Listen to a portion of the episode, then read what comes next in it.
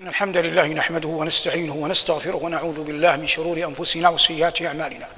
من يهده الله فلا مضل له ومن يضلل فلن تجد له وليا مرشدا واشهد ان لا اله الا الله وحده لا شريك له واشهد ان سيدنا ونبينا محمدا عبده ورسوله صلى الله عليه وعلى اله واصحابه وعلى سائر من اقتفى اثره واتبع هديه باحسان الى يوم الدين وبعد درس لقاء اليوم عنوانه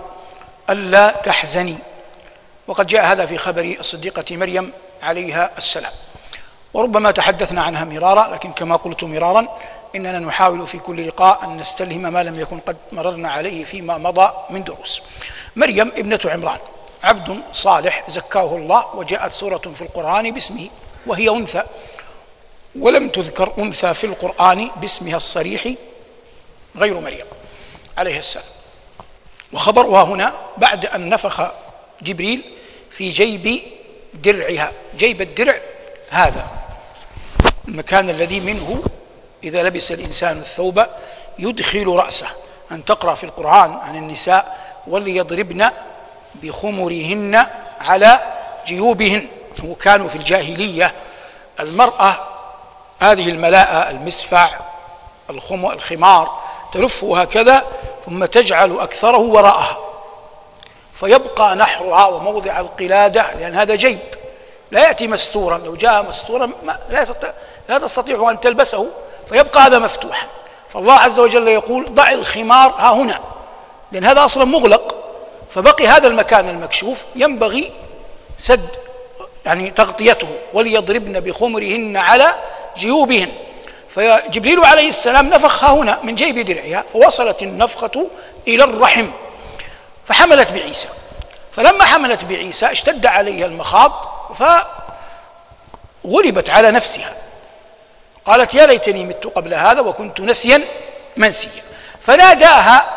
نتكلم عن مخاض ما بعد المخاض الولادة فناداها من تحتها يعني عيسى لا ينبغي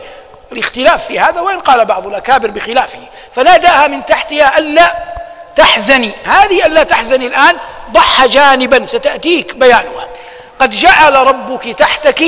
سرية يعني على قول الجمهور جدولا ما قد جعل ربك تحتك سرية يقول بعض أهل التفسير لما قال لها عيسى ألا تحزني قالت كيف لا أحزن وأنت معي وأنا لا ذات زوج ولا مملوكة يعني لا يمكن أن يأتي ولد بطريق شرعي إلا بواحد من أمرين إما أن يكون لي سيد أكون أنا مملوكة لي سيد فتسراني وإما أن أكون ذات زوج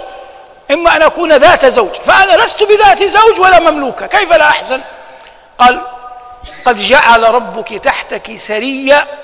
قال لها أنا أكفيك الكلام عندما تكلم معها فهمت أنه أراد أن يكفيها الكلام قد جعل ربك تحتك سريا وهزي إليك بجذع النخلة تساقط عليك رطبا جنية أيا كان قول العلماء لا نملك دليلا نرجح فيه قول زيد على عمرو أن هل هذه الشجرة كانت يابسة أو إنها كانت من أصلها مثمرة هذا لم يذكره القرآن ويبقى غيبا لا يعرف بالعقل ليس كل شيء يعرف بالعقل ولا نملك أمارة نرجح بها قول, قول زيد على عمرو لكن نقول ثمة نخلة الله أعلم إن كانت من أجلها أو كانت من قبل مثمرة وهز إليك بجذع النخلة تساقط عليك رطبا جنيا هز فعل الأمر تساقط جواب الأمر جاءت تساقط مجزومة لأنها وقعت في جواب في جواب الأمر تساقط عليك رطبا جنيا لتوه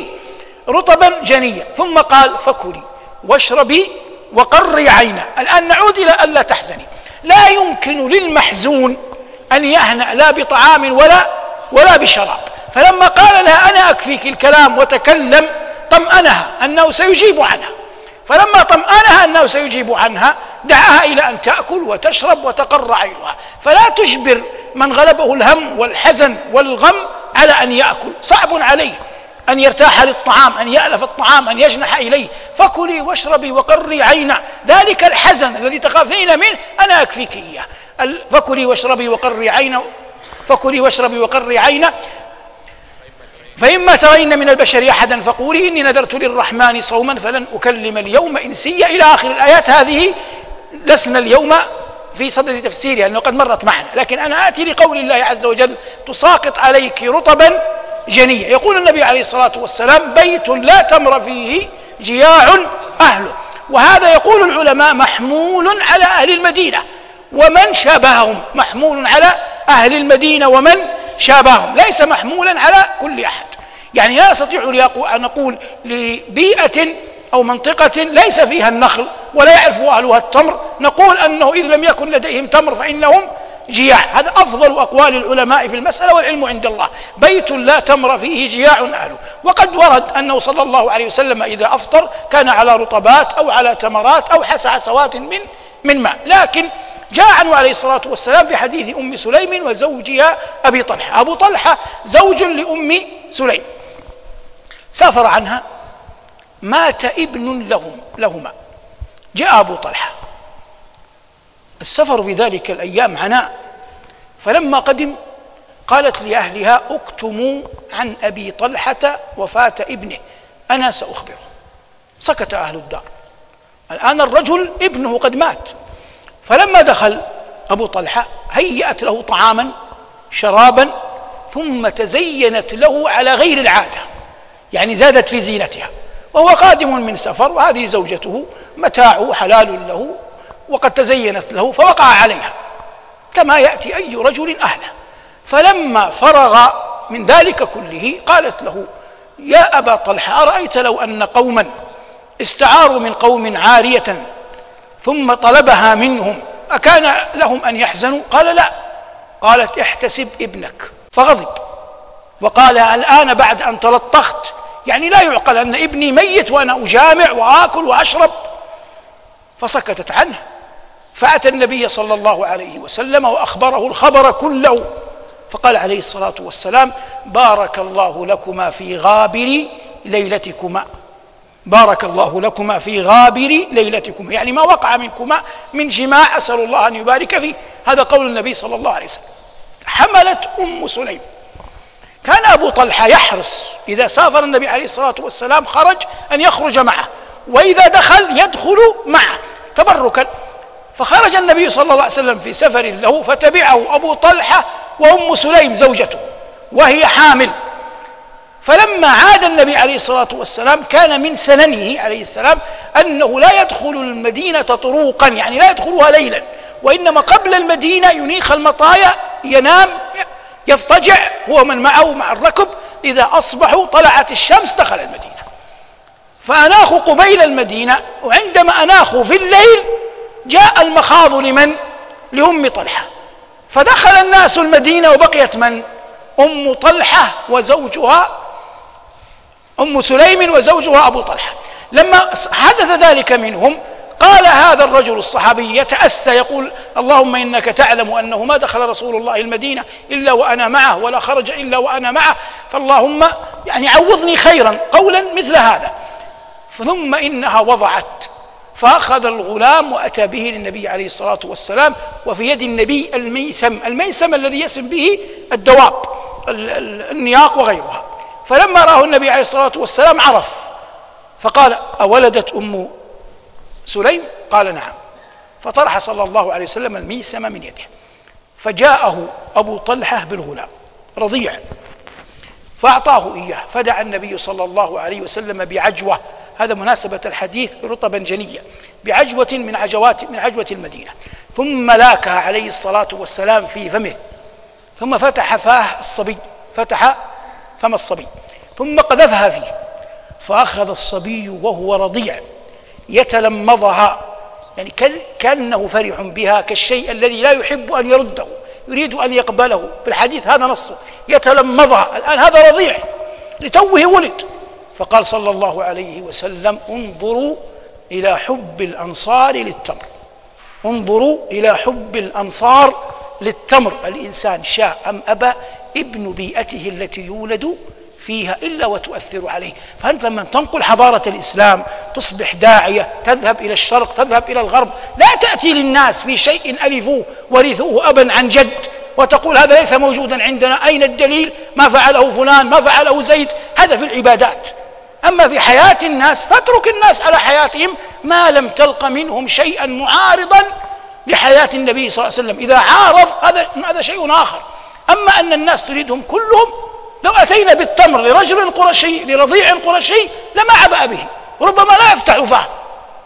لكن النبي صلى الله عليه وسلم ما قال انظروا إلى حب الصبيان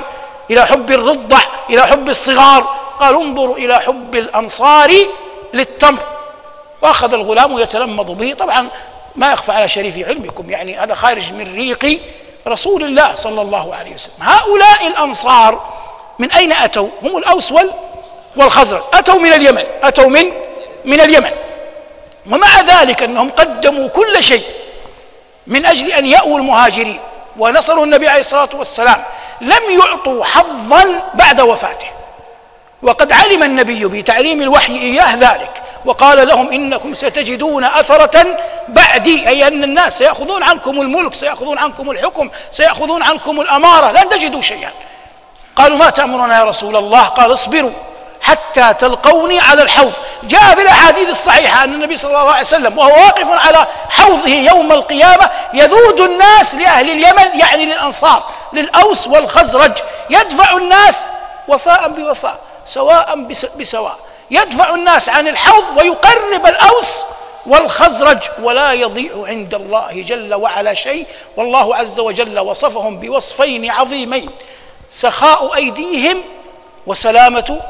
قلوبهم سخاء أيديهم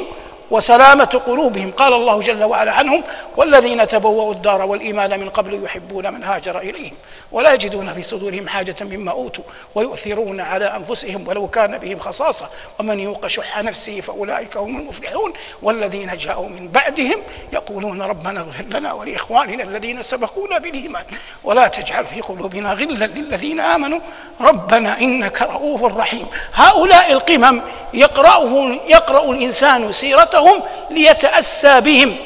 وليمشي على على منوالهم وليعلم أنه من يريد الجنة لا بد ثم لا بد ثم لا بد من الصبر على أذى الناس لا بد من الصبر على أذى الناس وقد لقي الأنصار شيئا كبيرا ومع ذلك صبروا وكان وموعدهم مع نبيهم صلى الله عليه وسلم الحوض الآن نعود للصديقة مريم ألا تحزني قد جعل ربك تحتك سريا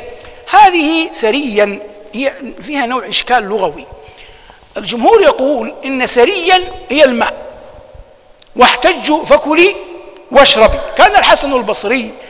يفسر سريا يعني من تحتك الذي هو عيسى سيصبح سيدا أنت تسمع الآن يقال صراط الناس ما معنى صراط الناس سادتهم أهل العلياء منهم قد جعل ربك تحتك سريا قال الحسن في مجلسه السري هو السيد يقصد عيسى كان عنده رجل اسمه حميد بن عبد الرحمن له في اللغة قال يا أبا سعيد سري يعني جدول قال إذا لا تبتعد عني يعني أحتاجك إذا فسرت لعلمك باللغة لأن الحسن لم يكن أجيبه لم يكن عربيا لأن الحسن لم يكن عربيا كان مولى وهذا الرجل له ضلاعة في اللغة فكان يعين الحسن على على التفسير والمقصود قول الله عز وجل ألا تحزني قد جعل ربك تحتك سريا وهزي إليك بجذع النخلة تساقط عليك رطبا جنيا فكلي واشربي وقري عينا فإما ترين من البشر أحدا فقولي وهذه بيناها العام إني نذرت للرحمن صوما فلن أكلم اليوم إنسيا لما لا تكلم لأن الناس لن يقتنعوا لن يفهموا فأنت الناس إذا أجلبوا عليك لا تكلمهم حالهم لا يساعد على ان يفهموا منك وهي وهم لن يقتنعوا ان هذا الغلام جاء جبريل ونفخ في شيء بالدرع لن يفقهوا هذا فسكتت فلما سكتت الله يقول فاشارت اليه يقول المفسرون انهم قالوا والله لا سخريتها بنا ان تحيلنا الى رضيع اعظم من بهتانها انها جاءت بهذا الابن فأشارت إليه قالوا كيف نكلم من كان في المهد صبيا فأنطقه الله في مهده قال إني عبد الله إلى آخر الآيات هذا ما تيسر حول قول الله عز وجل وهزي إليك بجذع النخلة تساقط عليك رطبا جنيا فكلي واشربي وقري عينا رزقنا الله وإياكم قرة العين ونفعنا الله وإياكم بما في كتابه العظيم وصلى الله على محمد وآله والحمد لله رب العالمين